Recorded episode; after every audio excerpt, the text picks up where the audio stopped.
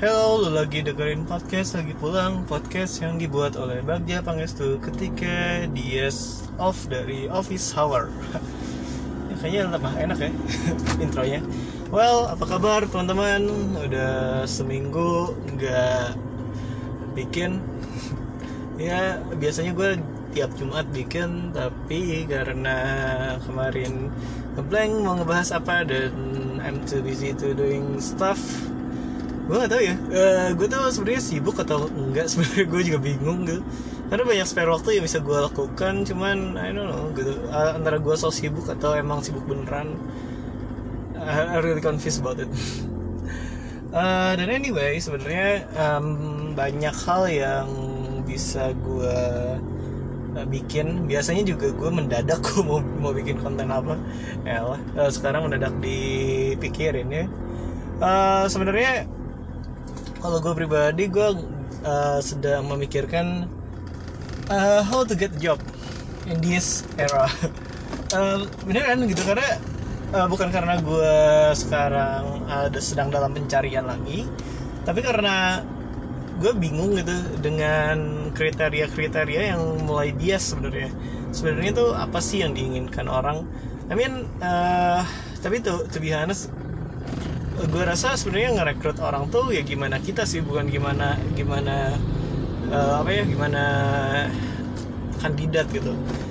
Gue uh, uh, gue belakangan cukup uh, sering scrolling di mana sih uh, gue uh, belakangan cukup aktif untuk scrolling di LinkedIn dan gue nemu beberapa konten menarik sebenarnya yaitu tentang dan salah satu konten menariknya itu adalah apakah uh, kita harus memberikan kesempatan pada kandidat uh, yang menurut kita oke okay, atau kita cari yang terbaik aja secara data, secara tes dan sebagainya. Uh, jadi um, maybe mungkin case-nya kayak gini, mungkin ada orang yang lu wawancara dia udah hafal dengan uh, perusahaannya dan sebagainya, tapi uh, dia mungkin secara akademik atau mungkin secara skill atau apa pun uh, masih harus dikembangkan ketika berjalan gitu yang di mana ini menjadi PR tambahan gitu untuk uh, company untuk untuk orang ini. Tapi ada juga orang yang dia udah jago gitu. Maksudnya udah ahli udah portonya udah bagus dan sebagainya gitu. Porto tuh udah artian ya dia work experience or stuff lah. Dan dan gue rasa sebenarnya uh, kalau misalnya uh, di sisi ini gitu uh, gue adalah tipikal orang yang uh, gue ingin memberikan kesempatan pada orang-orang yang dia sudah punya niat dia udah punya effort untuk melakukan A B C D E F G uh, dan gue rasa dia layak untuk diberi kesempatan. Let's say kan lu dapat offering kontrak kan lu akan masuk ke masa probation itu tiga bulan dan gue dan gue rasa tiga bulan itu adalah hal yang harus lu coba gitu untuk untuk apa namanya? Untuk uh, menjalankan apa yang uh, gue jadi blank deh sialan uh, gara-gara pause uh, jamnya. Oh ya jadi maksud gue orang-orang yang udah punya niat udah punya effort untuk searching A searching B dan ketika lu wawancara dia udah cukup hafal dengan role-nya gue rasa dia uh, patut dikasih kesempatan. Karena kenapa? Karena lu nggak pernah tahu nih orang tuh akan seberpengaruh apa pada role-nya atau pada perusahaan mungkin dengan adanya orang ini dia akan punya ide-ide gimana dan bla sebagainya gitu. Seiring dengan berkembangnya dan sebagainya. Atau mungkin lu adalah tipikal orang yang suka orang yang manut-manut uh, he will the, uh, he or she will the one. Karena orang itu butuh pengalaman butuh ini butuh itu yang sifatnya nantinya bakalan ngasih impact besar gitu uh, dalam membantu pekerjaan lo toh dia manut-manut aja sama lo biasanya itu orang yang udah desperate banget ya kayaknya uh, dia udah uh, kayaknya di turn off uh, logiknya dan ya udah dia jadi robot aja. Tapi gue nggak tahu ya kalau misalnya orang yang mandat-mandat aja tuh bener-beneran dia udah matiin itu atau dia akhirnya ngomongin di belakang gitu. Karena itu juga karena gue sebel juga sih maksudnya sama sama siapa pun yang punya keluh kesah dan menurut gue cukup berdasar gitu keluh kesahnya.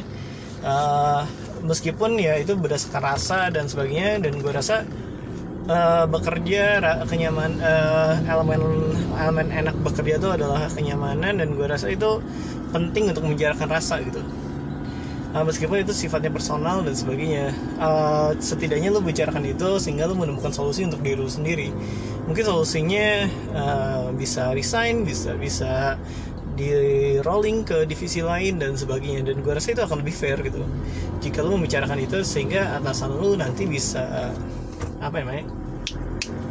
Bisa ngasih kesempatan bukan ngasih kesempatan. Uh, nanti atasan lu bisa kayak memberikan sudut pandang bagus gitu untuk untuk karir lu ke depannya karena atasan lu sejatinya harusnya sudah orang orang yang sudah berpengalaman lebih dulu dibandingkan lu. Gitu.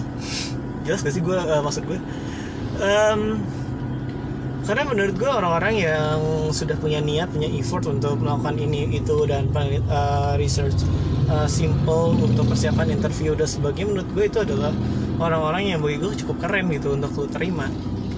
Karena orang-orang ini tuh nantinya bakalan apa ya punya sudut pandang lain dari dari apa yang dia lihat nanti kan dia akan akan punya sudut pandang nih dari apa yang dia uh, cari gitu dari apa yang dia, uh, ya dia cari uh, untuk pengetahuan perusahaannya.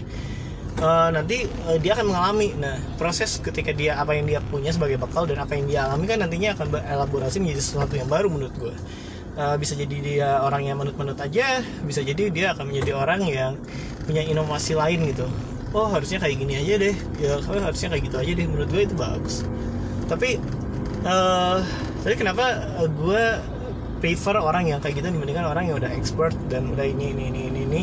tapi tergantung role nya sih kalau misalnya role nya adalah level manager gue rasa gila ya ngasih orang masih kesempatan baru untuk seseorang ya portonya kurang kuat gitu untuk jadi manager uh, kayak uh, kayak I mean uh, meskipun manajer pun harus beradaptasi dengan hal yang baru harus melakukan sesuatu yang baru pun bukan berarti dia harus fresh graduate jadi manajer gila enggak juga gitu. Menurut gue kalau misalnya uh, yang experience itu sebenarnya lebih ke arah sotoynya aja sih sebenarnya kalau menurut gue sotoynya terus bagaimana dia punya mindset yang dibawa dari kerjaan sebelumnya ke sini gitu dan bla sebagainya. Dan menurut gue orang-orang yang expert, uh, berpengalaman itu harusnya kenapa nggak ditempatin di divisi supervisor atau apa gitu yang menurut gue dia kan bisa lebih layak lah di di bidang itu dibandingkan apa ya dibandingkan orang yang belum ada pengalaman sama sekali. Tapi gue akan sangat setuju jika misalnya si orang yang berpengalaman ini dia ingin coba switch dari misalnya dari divisi sales ke divisi marketing uh, nantinya bakalan si orang ini tuh bakal mengalami hal yang baru juga. Nanti sudut pandangnya akan berubah lagi juga. Menurut gue itu akan lebih bagus sih oh ya dan kenapa sih gue nggak setuju ya? Pertama tadi yang agak soal tahu uh, nantinya akan menimbulkan kesotauan gitu. Dan yang kedua sebenarnya lebih kayak kasihan sih. Kasihan ke orang-orang yang butuh kesempatan butuh experience gitu. Dan setidaknya tuh dengan lo memberikan kesempatan itu bagus tidaknya pekerjaan kan itu di tiga bulan pertama ya di probation itu dan gue rasa kan kenapa kenapa nggak di ini aja kenapa nggak dicoba aja dulu gitu untuk untuk apa namanya untuk coba uh, kasih dia uh, kesempatan gitu. Toh uh, lu udah panggil dia interview gitu. Setelah dia lu udah panggil dia interview dan lu rasa dia orang punya niat dan bla bla bla bla sebagainya kenapa nggak lu coba aja dulu gitu? Nah itu sih sebenarnya yang menurut uh, bagi gue mengganggu uh, mengganggu isi kepala gue sih karena uh, ini tuh antara gue harus harusnya gue kuliah psikolog biar gue bisa masuk HR atau kagak gitu loh. Beneran deh gue gue kadang-kadang uh, berpikir eh tapi belakangan gue tuh selalu lolos di HR loh. It's funny things gitu. Uh, gue kena uh, gue tuh selalu lolos di bagian HR tapi di bagian user gue gagal. Nah ini yang gue ngebuat gue bingung. Ini kriteria HR tuh apa? Dan kriteria user tuh apa? Kadang-kadang gue juga mikir ini user kayaknya seenak jidat aja ya kayaknya untuk untuk untuk nolak atau enggak. Uh, atau dia mikir kayak oh ya ini orang layak kok ini orang enggak gitu. Uh, seakan-akan dia melulantahkan keinginan apa ya orang yang direfer sama HR kamu dulu kalau misalnya HR udah saya seharusnya lo harus tahu dulu kenapa dasarnya sehingga lu bisa ngulik dari sana kenapa lu harus bikin perspektif sendiri? Tapi ya gue emang itu judge. Gue, belum, pernah jadi user so. Um, eh tapi belakangan gue juga uh, sekarang sedang menjadi user. Ah ya gue uh, nggak apa-apa lah, gue infoin aja. Toh uh, pendengar gue sangat minoritas. Ini kayak kayak pengikut Lia Eden anjing. Uh, pendengar gue tuh kayak plek uh, dikit udah, udah dikit uh, terus gak tahu gak jelas juga ini dari mana pendengarnya. Uh, jadi kan gue belakangan jadi head of publicist dari salah satu feature film yang sifatnya indie. Uh, ya, uh, kenapa bisa disebut indie? Karena uh, pertama budget dan kedua PH-nya seperti apa bangsa pasarnya seperti apa dan sebagainya. So I really know this is indie movie independent movie so ya yeah. uh, dan pendanaannya dan sebagainya juga sangat independen gue se sejauh yang gue alami. Uh, jadi uh, gue jadi head of publicist dan uh, gue menemukan bahwa diri gue menemukan awkwardnya banget gitu. Jadi head of publicist ketika uh, dan mencoba untuk uh, di mana lu tuh sebenarnya belum pernah mengalami sama sekali uh, how to be publicist gitu. Sehingga lu belajar banget gitu. Uh, sehingga thank you for Zikri ya sebenarnya uh, uh, by the way. Uh, karena gue menjadi seorang head of publicist untuk film salah satu film pendek pertama temen gue juga. Uh, menjadi head of publicist menja uh, untuk pertama kalinya gue mau memimpin sesuatu dengan uh, di mana ini proyek yang sangat serius. Uh, ini bukan pertama kalinya sih ini uh, sudah beberapa kali uh, proyek pertama gue yang gue lakukan adalah bikin komunitas pemutaran film uh, di kelompok pemutar film but uh, not going well karena aktivitas gue uh, concern dan anggota yang ini dan gue juga sudah tidak sanggup untuk melakukan pekerjaannya sendirian. Um, jadi ya udahlah gue uh, gue offin. Dan gue menjadi head of publicist dan gue gue gue pribadi sih sebenarnya merasa senang dengan dengan apa ya dengan uh, kriteria kerjaan marketing atau publicist seperti ini. Karena ini oh ya sorry publicist tuh nggak beda loh dengan dengan orang yang nge uh, publish uh, sesuatu di medsos. Gak hanya itu lebih tepatnya. Publicist tuh lebih concern kepada mediumnya public relation dan sebagai public relation berarti komunikasi antara uh, kita gitu sebagai um, karena ini film berarti sebagai uh, uh, production house atau sebagai pembuat pihak pembuat film kepada uh, calon audiens atau audiens yang mau di reach dan sebagainya. Jadi gue uh, pribadi gue cukup mengerti role gue seper, harus uh, harus seperti apa gitu. Meskipun gue tidak tahu detail ataupun ya gue nggak bisa bilang gue ahli di dalamnya. Nah uh, jadi jadi sombong ya. Uh, jadi gue um, ketika gue jadi head of business uh, gue diminta sama Zikri untuk kerja uh, nih gue udah ngerekrut tiga orang dari beberapa orang uh, by my request gitu. Maksudnya gue udah request ke Zikri uh, gue ingin orang-orang ini dari tiga uh, dari organisasi-organisasi yang berbeda dan bla bla bla sebagainya dan dia harus anak kuliahan atau dia anak semester akhir. So, so gue akan lebih gampang untuk uh, apa ya namanya over dia karena kegiatan dia pasti campur aduk gitu kan. Ya emang gue suka nyusahin orang lah. Uh, nah uh, gue minta beberapa orang dan Jikir bilang mau nambah lagi nggak terus gue bilang anjir gue juga nggak tahu ini bisa dipakai tiga orang ini bisa dipakai well atau enggak dan tapi ketika ketika gue ketika telepon udah ditutup gue langsung berpikir tiga orang ini role-nya mau ngapain aja. Gue udah tahu latar belakangnya dan sebagainya dan ya udah gue udah dikasih ini dan gue langsung berpikir keras ini gimana uh, orang-orang ini kira-kira bakal works di mana ya dengan latar belakang seperti ini uh, dan ya udah gue langsung kepikiran untuk bikin A, bikin B, bikin C, bikin D, bikin E, bikin F. Uh, gue gak tahu metode uh, kepemimpinan yang lain, tapi gue sangat suka dengan konsep arsitek sebenarnya uh, konsep uh, apa ya konsep arsitek itu bagi gue adalah membangun sesu sesuatu dari nol. Dan gue bersyukur karena um, film pendek pertama uh, film sorry film pendek lagi. Film feature film pertama temen gue ini adalah sifatnya yang dari nol sebenarnya.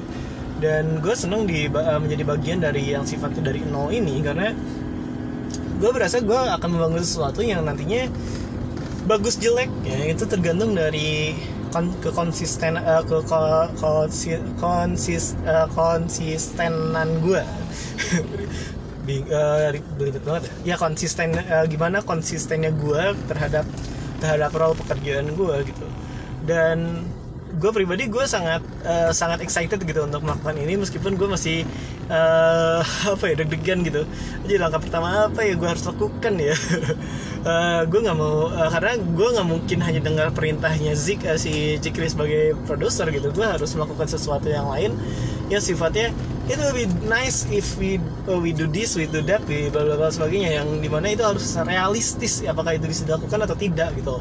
Nah itu yang gue sedang pikirkan matang-matang gitu. Anjing gue harus ngelakuin apa ya sebagai publicist uh, tapi ketika gue udah dapet tim ini dengan latar belakang ini gue ngerasa kebantu karena uh, setidaknya gue bisa melakukan langkah pertama nah sebagai uh, karena gue pencinta pembangunan anjir Jokowi ya.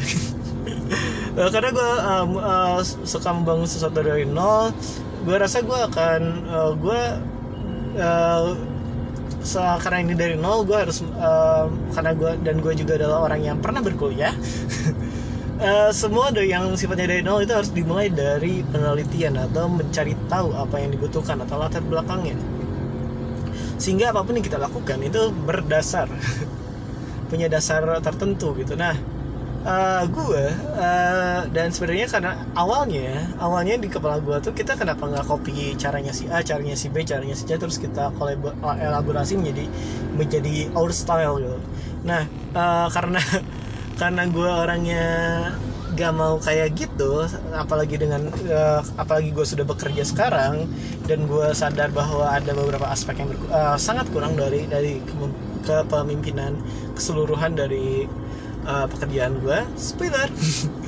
Uh, ya karena gue merasa ada sesuatu yang kurang dari dari pekerjaan gue sekarang dan gue ngerasa greget gitu sama hal itu gue nggak mau melakukan hal yang sama terhadap pekerjaan gue yang sifatnya uh, non paid uh, non paid ini gitu. Uh, dan gue adalah dan sebagai head of publicist uh, sebagai head uh, for exactly gitu gue nggak mau melakukan sesuatu yang sifatnya apa ya tidak ada dasarnya gitu. Yang sifatnya tuh ya udah ini insting aja gitu. Gue harus ngelakuin A ngelakuin B ngelakuin C tanpa dasar gitu. Nah karena karena itu karena ini adalah hal yang pertama kali gue lakukan uh, sebagai publicist uh, dan ini akan berpengaruh pada isi CV gue uh, gue langsung berpikir how to make it happen gitu. Dan uh, hal pertama yang gimana gue pikirkan uh, sebagai um, adalah bagaimana kalau misalnya gue gak uh, bikin ini aja maka uh, ya udah uh, karena uh, uh, gimana kalau misalnya kita bikin penelitian dulu gitu. Kita teliti dulu aja apa yang terjadi di uh, di bagaimana publishing dari beberapa film gitu. Atau bagaimana uh, media TV uh, TV media TV show or whatever it is uh, mem, uh, ya, mengkomunikasikan uh, karyanya pada orang lain. Yang mau yang sudah di reach yang sudah ada di dalam lingkarannya maupun yang sudah yang ada di luar lingkarannya dia. Dan itu akan menjadi tugas uh, utama gue sebenarnya. Tapi nanti uh, uh, dan dan gue tuh sebenarnya masih berpikir mungkin di antara uh, teman-teman di sini yang sedang pulang kayaknya gue harus kasih nama kalian ya. Sedang pulang yang sedang pulang. Uh, uh, mungkin teman-teman yang sudah yang sedang pulang mungkin punya ide kira-kira uh, atau punya pengalaman gimana nge-reach orang-orang yang di luar dalam lingkaran yang di luar lingkaran sorry um, agar dia punya interest gitu terhadap apa yang kita mau. Um, karena meskipun pekerjaan gue di divisi sales sekarang uh, it's hard to pull someone into our circle you know? Uh, mungkin kita bisa kayak ngomong oh iya kita bisa kita bisa motivasi orang untuk uh, ini untuk itu berarti Indian uh, we talk about uh, money we talk about uh, things that uh, we, yeah we talk about money we talk about uh, what is fucking shit uh, kita kita bicara tentang uang kita bicara tentang juga kemampuan ya kemampuan finansial tentunya kemauan dan sebagainya. Nah uh, eh, gue pribadi tuh gue bisa meyakinkan orang untuk mau cuman itu harus kayak uh, face to face gitu harus harus ada ini dan gue nggak mau maksa dan itu nggak gak bisa dipaksa sifatnya gitu. Ya kayak gue nggak bisa maksain orang untuk suka sama gue Sim, uh, simple simpelnya kayak gitu uh, uh, kalau lo dari awal gak punya interest atau ketika gue mencoba membangun interest itu dan uh, sebenarnya dan lo tidak uh, ada interest sama sekali ya sudah gitu. Tapi ada mungkin ada cara lain ya itu lo pelajari dulu orangnya kan? Eh nah ini baru ketemu loh uh, gara-gara bikin podcast. Nah uh, dan gue pikir ya udah gue ingin uh, gue ingin pelajari dulu audiens gue dan sehingga dalam pekerjaan ini gue mempelajari dulu audiens gue seperti apa uh, lately kayak gue gue bikin A bikin B bikin C mencoba melakukan sesuatu yang baru agar guanya juga tidak jenuh gitu. Uh, gue mencoba melakukan hal yang baru uh, mencoba untuk membuild sesuatu yang menyenangkan tentunya gitu. Dan ya ya menyenangkan untuk diri gue sendiri menyenangkan uh, untuk orang lain pun. Uh, dan akhirnya I don't know gak begitu work sih tapi tapi ya worth it lah gitu. Uh, at least I do something gitu bagi gue ya. Um, oh ya dan gue tuh uh, dan oh ya balik lagi ke yang pekerjaan ini. Yang uh, ketika gue bikin uh, ketika gue memikirkan apa yang gue harus lakukan pertama ya udah. Gue rasa gue harus mempelajari itu. Dan gue sangat-sangat uh, tidak punya ekspektasi besar gitu. Uh, gue tidak punya ekspektasi besar tapi gue punya uh, apa ya bukan spirit ya.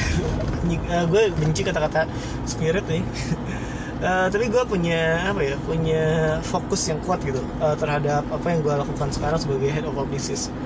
Uh, fokus gue tuh bukan untuk hanya apa ya bikin filmnya tenar gitu tapi uh, atau nama saudaranya tenar atau nama PH nya tenar nggak itu aja gitu.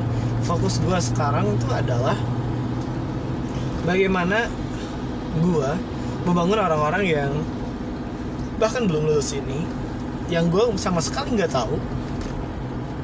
Uh, gak, gue nggak kenal orangnya. Uh, dan gue nggak tahu dia sudah berpengalaman sejauh apa sampai ke titik di mana st uh, standarnya mereka sudah uh, menurut yang menurut sudut pandang gue dia udah worth it kalau dia harus uh, bisa bekerja di A di B di C di E di F gitu. Nah itu yang gue ingin lakukan gitu pada uh, nanti orang-orang yang gue pimpin di head of uh, dan sifatnya karena gue menyatakan diri gue adalah seorang arsitek gitu, yang membangun sesuatu dari nol uh, makanya kenapa di awal gue bilang gue lebih setuju untuk memberikan kesempatan pada orang-orang baru. Orang-orang yang sudah antusias dulu untuk mencari tahu dan untuk ini untuk itu uh, dibandingkan orang yang udah berpengalaman.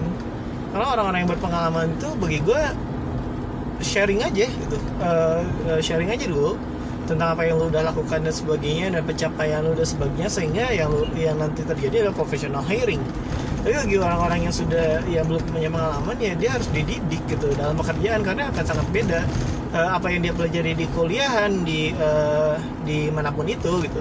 Akan berbeda uh, ritmenya dengan apa yang uh, ketika dia bekerja mengerjakan itu gitu.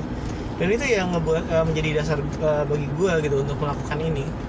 Itu yang menjadi apa ya sesuatu yang menurut gue uh, I'm passionate with uh, terhadap mereka. Suka uh, uh, kalau tapi juga ada beberapa sanggahan sih misalnya di, uh, terhadap hal ini misalnya ada kemungkinan kayak kan ini gimana kebutuhannya yes of course. Uh, tentunya tentunya gimana kebutuhan? Kalau kebutuhannya adalah orangnya sudah pro untuk menangani sesuatu yang udah rusak let's say kayak uh, let's say kayak gini. Uh, gak mungkin uh, menteri BUMN adalah orang yang gak ngerti sama sekali uh, tentang ritme usaha atau apa pun itu gitu. Nggak mungkin orang orang-orang yang um, apa ya, asalnya benar-benar latar belakang militer gitu jadi orang BUMN atau speaking gitu. Itu kenapa Erick Thohir yang dipilih? Karena dia juga bikin usaha. Nah jadi kalau misalnya gimana dan ini ya bener gitu. Sorry gue jadi kalau gitu banget deh. Eh emang udah biasa sih jadi udah. Uh, jadi kan kalau misalnya apa ya kalau misalnya gimana kebutuhan ya kita juga harus tahu posisi apa yang sedang kita butuhkan dan urgensinya seperti apa. Kalau misalnya urgensinya cuma karena kosong aja dan orang-orang sebelumnya bisa uh, dinaikin dulu terus orang ini bisa dididik sampai bisa level itu ya kenapa enggak? Eh, karena gue benci banget kalau misalnya ada satu perusahaan nih yang eh, misalnya dalam satu divisi gitu ada atas yang kosong kenapa nggak dia dia lihat dulu ke bawah sebelum dia lihat dulu ke orang lain gitu. Atau atau seenggaknya kasih kesempatan dulu ke orang yang di dalam gitu untuk dididik dulu di di poles atau di ini apa sih ya bahasanya? Ya di dia di didik dulu diarah dulu diasah dulu sampai akhirnya sampai titik di mana dia udah keren gitu. Ya kenapa nggak gitu aja sih gitu? Eh, itu dalam kepala gue sih eh, seriusan deh. Karena eh, karena kalau misalnya kebut kalau misalnya urga urgent banget misalnya kayak lu tidak ingin sedang membalikan inflasi let's say gitu. Lu kan nggak nggak perlu orang yang udah jago banget untuk ngehandle itu kan. Eh, misalnya di film narko, narkos gitu ketika si Paulo eh, si si Paulo Escobarnya si Escobarnya dia bisa ngalahin jenderal-jenderal eh, yang udah di hire Em, ketika misalnya si apa namanya? Escobar bisa ngalahin orang yang di hire dan orang ini resign ya wajar lah ketika dia ngambil orang yang udah namanya? Eh, dia ngambil orang yang udah keren, eh, yang udah prof, eh, udah pernah punya pengalaman dulu jadi udah sekaliber gitu gitu udah kuat gitu semangatnya. Tapi kalau misalnya urgensinya cuma karena kosong doang gitu jadi dan perusahaan eh, tidak beg- eh, tidak begitu apa ya tidak begitu goyang dan masih bisa stabil kenapa nggak coba naikin aja orang-orang lama untuk di posisi itu kenapa harus cari orang yang baru? Dan itu yang ngebuat gue sebel loh sebenarnya Eh, di pekerjaan apa pun gue rasa. Terutama di perusahaan gue Eh, tapi di perusahaan gue sih eh, naik sih. Nggak konsisten ya eh tapi gue serius deh. Eh, karena banyak eh, sangat sedikit kayak eh, sangat jarang kayaknya gue melihat bahwa perusahaan tuh eh, ngelihat dulu ke bawah sebel ke- eh, ini apa ya ngasih kesempatan untuk orang-orang yang menurut, menurut dia layak untuk di- dinaikin. Kadang-kadang orang-orang ini cuma ngambil kesimpulan satu dan akhirnya di gituin aja. Gue nggak tahu sih misalnya kayak atasan itu kesibukannya seperti apa tapi kadang-kadang gue juga sebel dengan orang-orang yang kayak gue cuma lihat ini aja dan titik udah gitu aja selesai gitu. Nggak nggak memikirkan apa ya nggak uh, boro-boro mikirin ini boro-boro mikirin si orang ya gitu. Lu mikirin anak buah lu aja lu cuma uh, ngeliat selewat doang dan udah kelar gitu. Gimana ya? Gue juga ng- ngerasa bingung sama kata-kata gue sendiri. Eh, maksud gue gini em, kadang-kadang tuh atasan atau siapa pun dia nggak ngelihat kita secara langsung atau orang yang karena kita kerja misalnya kerja di cabang kadang-kadang orang yang di pusat tuh kadang-kadang cuma lihat kita by data. Apakah itu salah? Mungkin. Tapi eh, tapi dalam hal ini juga pusat tuh kadang-kadang juga tidak melihat kita sebagai manusia tapi sebagai angka. Ketika kita dilihat sebagai angka kita akan uh, pula tidak diperlakukan sebagai manusia. Keputusan yang diambil juga tidak akan terdengar sangat manusiawi kadang-kadang. Eh, kadang-kadang ya udah eh, argumennya kalau kamu gak suka kamu pergi aja. Kalau kayak gitu ya udah HR yang yang di eval nyet enggak sih nih kayak kayak user-user gitu ngomong kalau lu nggak suka lu cabut aja. Ya udah gue cabut gitu. Itu kalau saya atasan ngomong kayak gitu gue cabut beneran dah. Dah ayo assalamualaikum gitu ya karena gue benci gitu ketika ketika lu tuh butuh gue dan dan gue tuh nggak butuh lu lu tuh butuh gue dan gue butuh lu. Kenapa kenapa kenapa sekarang lu uh, berperilaku seakan-akan lu gak butuh gue Uh, bukan berarti gue cabut lantas lu merasa bahwa lu superior gitu. Eh, seharusnya tuh apa ya seharusnya tuh ada yang dilihat selain hanya selain hanya angka pendapatan dan sebagainya dan itu yang kadang-kadang luput sih. Dan kita juga harus mewajarkan kenapa kayak gitu ya karena apalagi kalau lu kerja di cabang lu nggak mungkin berkembang sedemikian rupa sih. Eh, karena ya lu hanya dilihat oleh angka atasan lu hanya melihat lu seperti itu dan perkembangan apa yang lu bisa janjikan. Ah begitulah lika-liku hidupnya ya kadang-kadang gue sebel. Eh, tapi eh, lu pernah ngerasa bo- bodoh gak sih? Eh, bener gak Eh, bener deh. Karena lately itu kayak gue punya keinginan kuat untuk gue ingin coba I don't know mungkin au pair atau atau coba kuliah di luar negeri atau sejenisnya gitu. Cari kerja di luar negeri dan sampai ekonomi gue stabil gue ingin coba kuliah. Gue beneran ingin ngelakuin itu. Kenapa Ken- kalau alasannya kenapa ya karena simple sih gue ngerasa dianggap bodoh aja sama orang-orang yang di atas gue sekarang. Eh, dan ini bakal, bakal terjadi kepada banyak orang sih kayaknya. Eh gue ngalor gitu ini karena gue belum sampai rumah ya gak apa-apa ya. Eh, tadi sama mana? Oh ya. Ya kenapa gue ngerasa bodoh? Ya karena gue ngerasa kayak jadi gue eh, gini banget ya. Eh, kayak latar belakang gue apa yang gue pernah lakukan tuh kayaknya nggak pernah dilirik gitu. Terus eh kan entah karena gue lulusan kampus swasta gitu sehingga itu ngebuat gue nggak nggak dilirik gitu. Meskipun sebenarnya dalam fa- dalam faktanya ya tetap aja gitu orang-orang yang di swasta juga bisa kerja di ABCDFG tanpa ada halangan gitu mungkin eh, ada valuasi lain gitu. Cuman kayak gue sebel aja gitu kenapa gue gini-gini banget gitu. Ngerti gak sih kayak kayak gue tuh apa yang gue lakukan tuh kayaknya nggak pernah dianggap deh gitu. Eh, kayaknya gue harus butuh channel yang sebegitu bagus atau project yang sebegitu mewah viral dan sejenisnya biar gue bisa dipandang dilihat gitu. Dan gue tuh kayak menyesali kenapa ya waktu gue kuliah tuh gue cuman kuliah aja gitu. Syukurnya kayak kayak lima tahun ini gue malu juga ya, ya ngomong gue lima tahun gue kuliah ya syukurnya tuh lima tahun gue kuliah di tahun-tahun terakhir gue kuliah tuh gue melakukan hal yang lain. Bahkan dari awal gue kuliah tuh gue melakukan hal yang lain gitu. Eh, let's say gue juga gue juga melakukan volunteering untuk jadi musik director jadi sejenisnya gue aktif untuk eh, sekolah eh, sekolah radio yang namanya DJ Ari dan sebagainya. Gue beruntung gue melakukan itu tapi gue nggak tahu apakah itu dilihat atau tidak gitu gue beruntung dengan hal itu gue bisa ber eh, apa ya gue bisa anjing apa namanya ah gue bisa berkecimpung dalam dunia PR meskipun ah, atau dalam ah, ya komunikasi lah nggak saya gue gue bisa ah, bisa ngomong dalam dunia komunikasi tapi ah, dalam satu sisi gue ngerasa kayak gue kon ah, kesel banget ya kenapa gue nggak apa ya gue kayak nggak dapat kesempatan yang lain gitu yang ngebuat gue lebih berkembang. Dan gue di beberapa tahun ya gue tuh setahun pertama tuh kan gue ini ya gue fokus buat ini gue jadi curhat ya. Yang bodo amat lah. Gue rasa isi podcast gue gue, gue juga curhat. Rata-rata eh, gue nggak sepintar itu untuk sharing banyak hal. Bodo amat lah ini konten kok. Eh, kenapa sih lo kalau ingin konten berkualitas yang open minded ini gue juga mempertanyakan open minded itu yang kayak gimana sih? Yang yang eh, yang kedengaran edgy aja gitu. Udah gue kalau kalau open minded tuh ya ya apa pun eh, ya lu terima lu terima argumen siapa pun lah.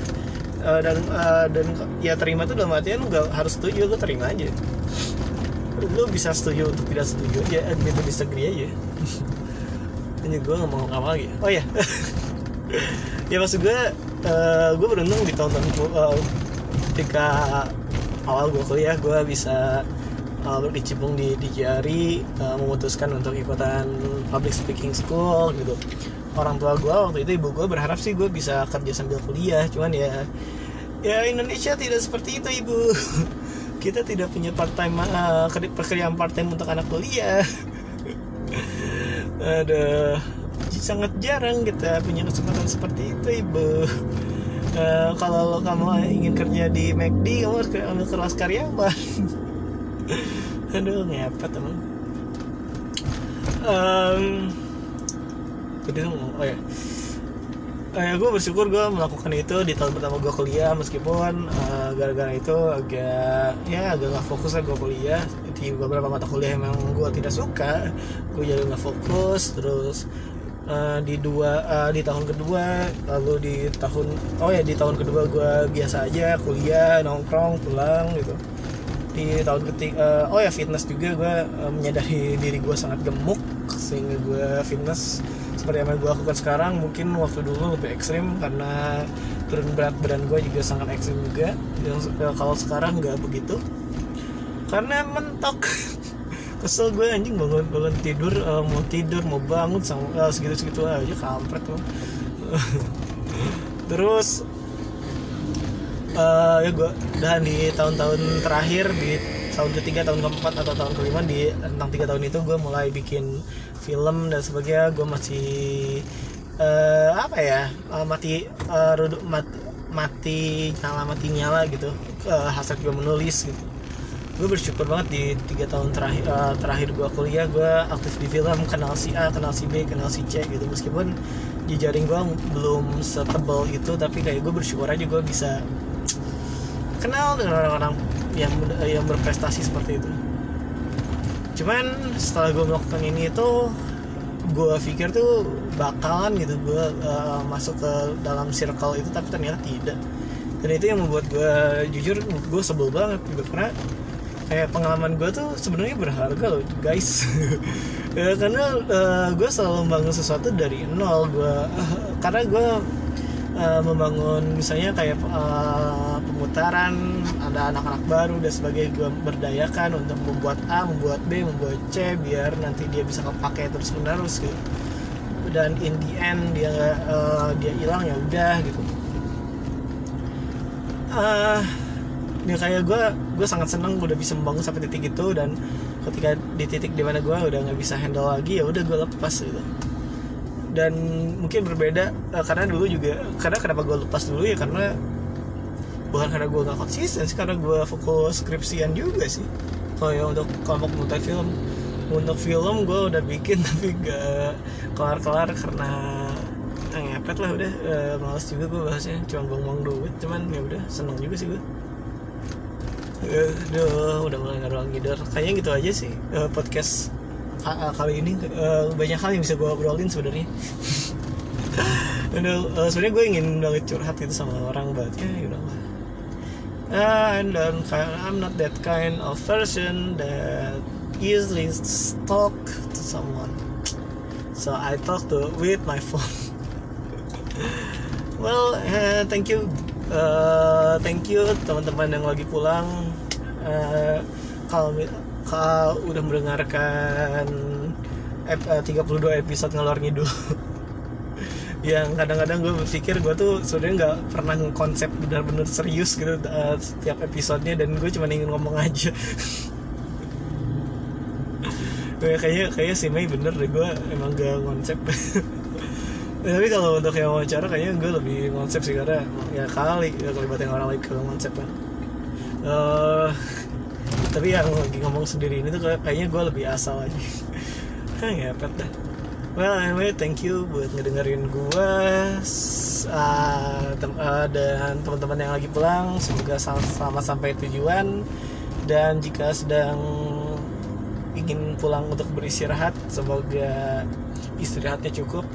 Anjing gue lagi seneng lagu Hindia sih kampret uh, dan gitu aja. Oh ya kalau misalnya mau uh, oh ya gue tuh kadang-kadang ingin nge-tracking uh, pada tuh dari mana dan siapa audiens gue so if you uh, hearing this podcast please kindly to mention me on Twitter uh, Twitter at ajgab a a g g a b underscore uh, Ajgab mention me on Twitter uh, di, uh, you will see uh, really quiet uh, Twitter account that just following 8% with two followers. Uh, gitu aja deh gue uh, atau kalau misalnya lu mau ngobrol juga lu bisa email gue di at bagja.jo at gmail.com gitu aja dari gue thank you teman-teman atas perhatiannya. See you on the next episode and bye bye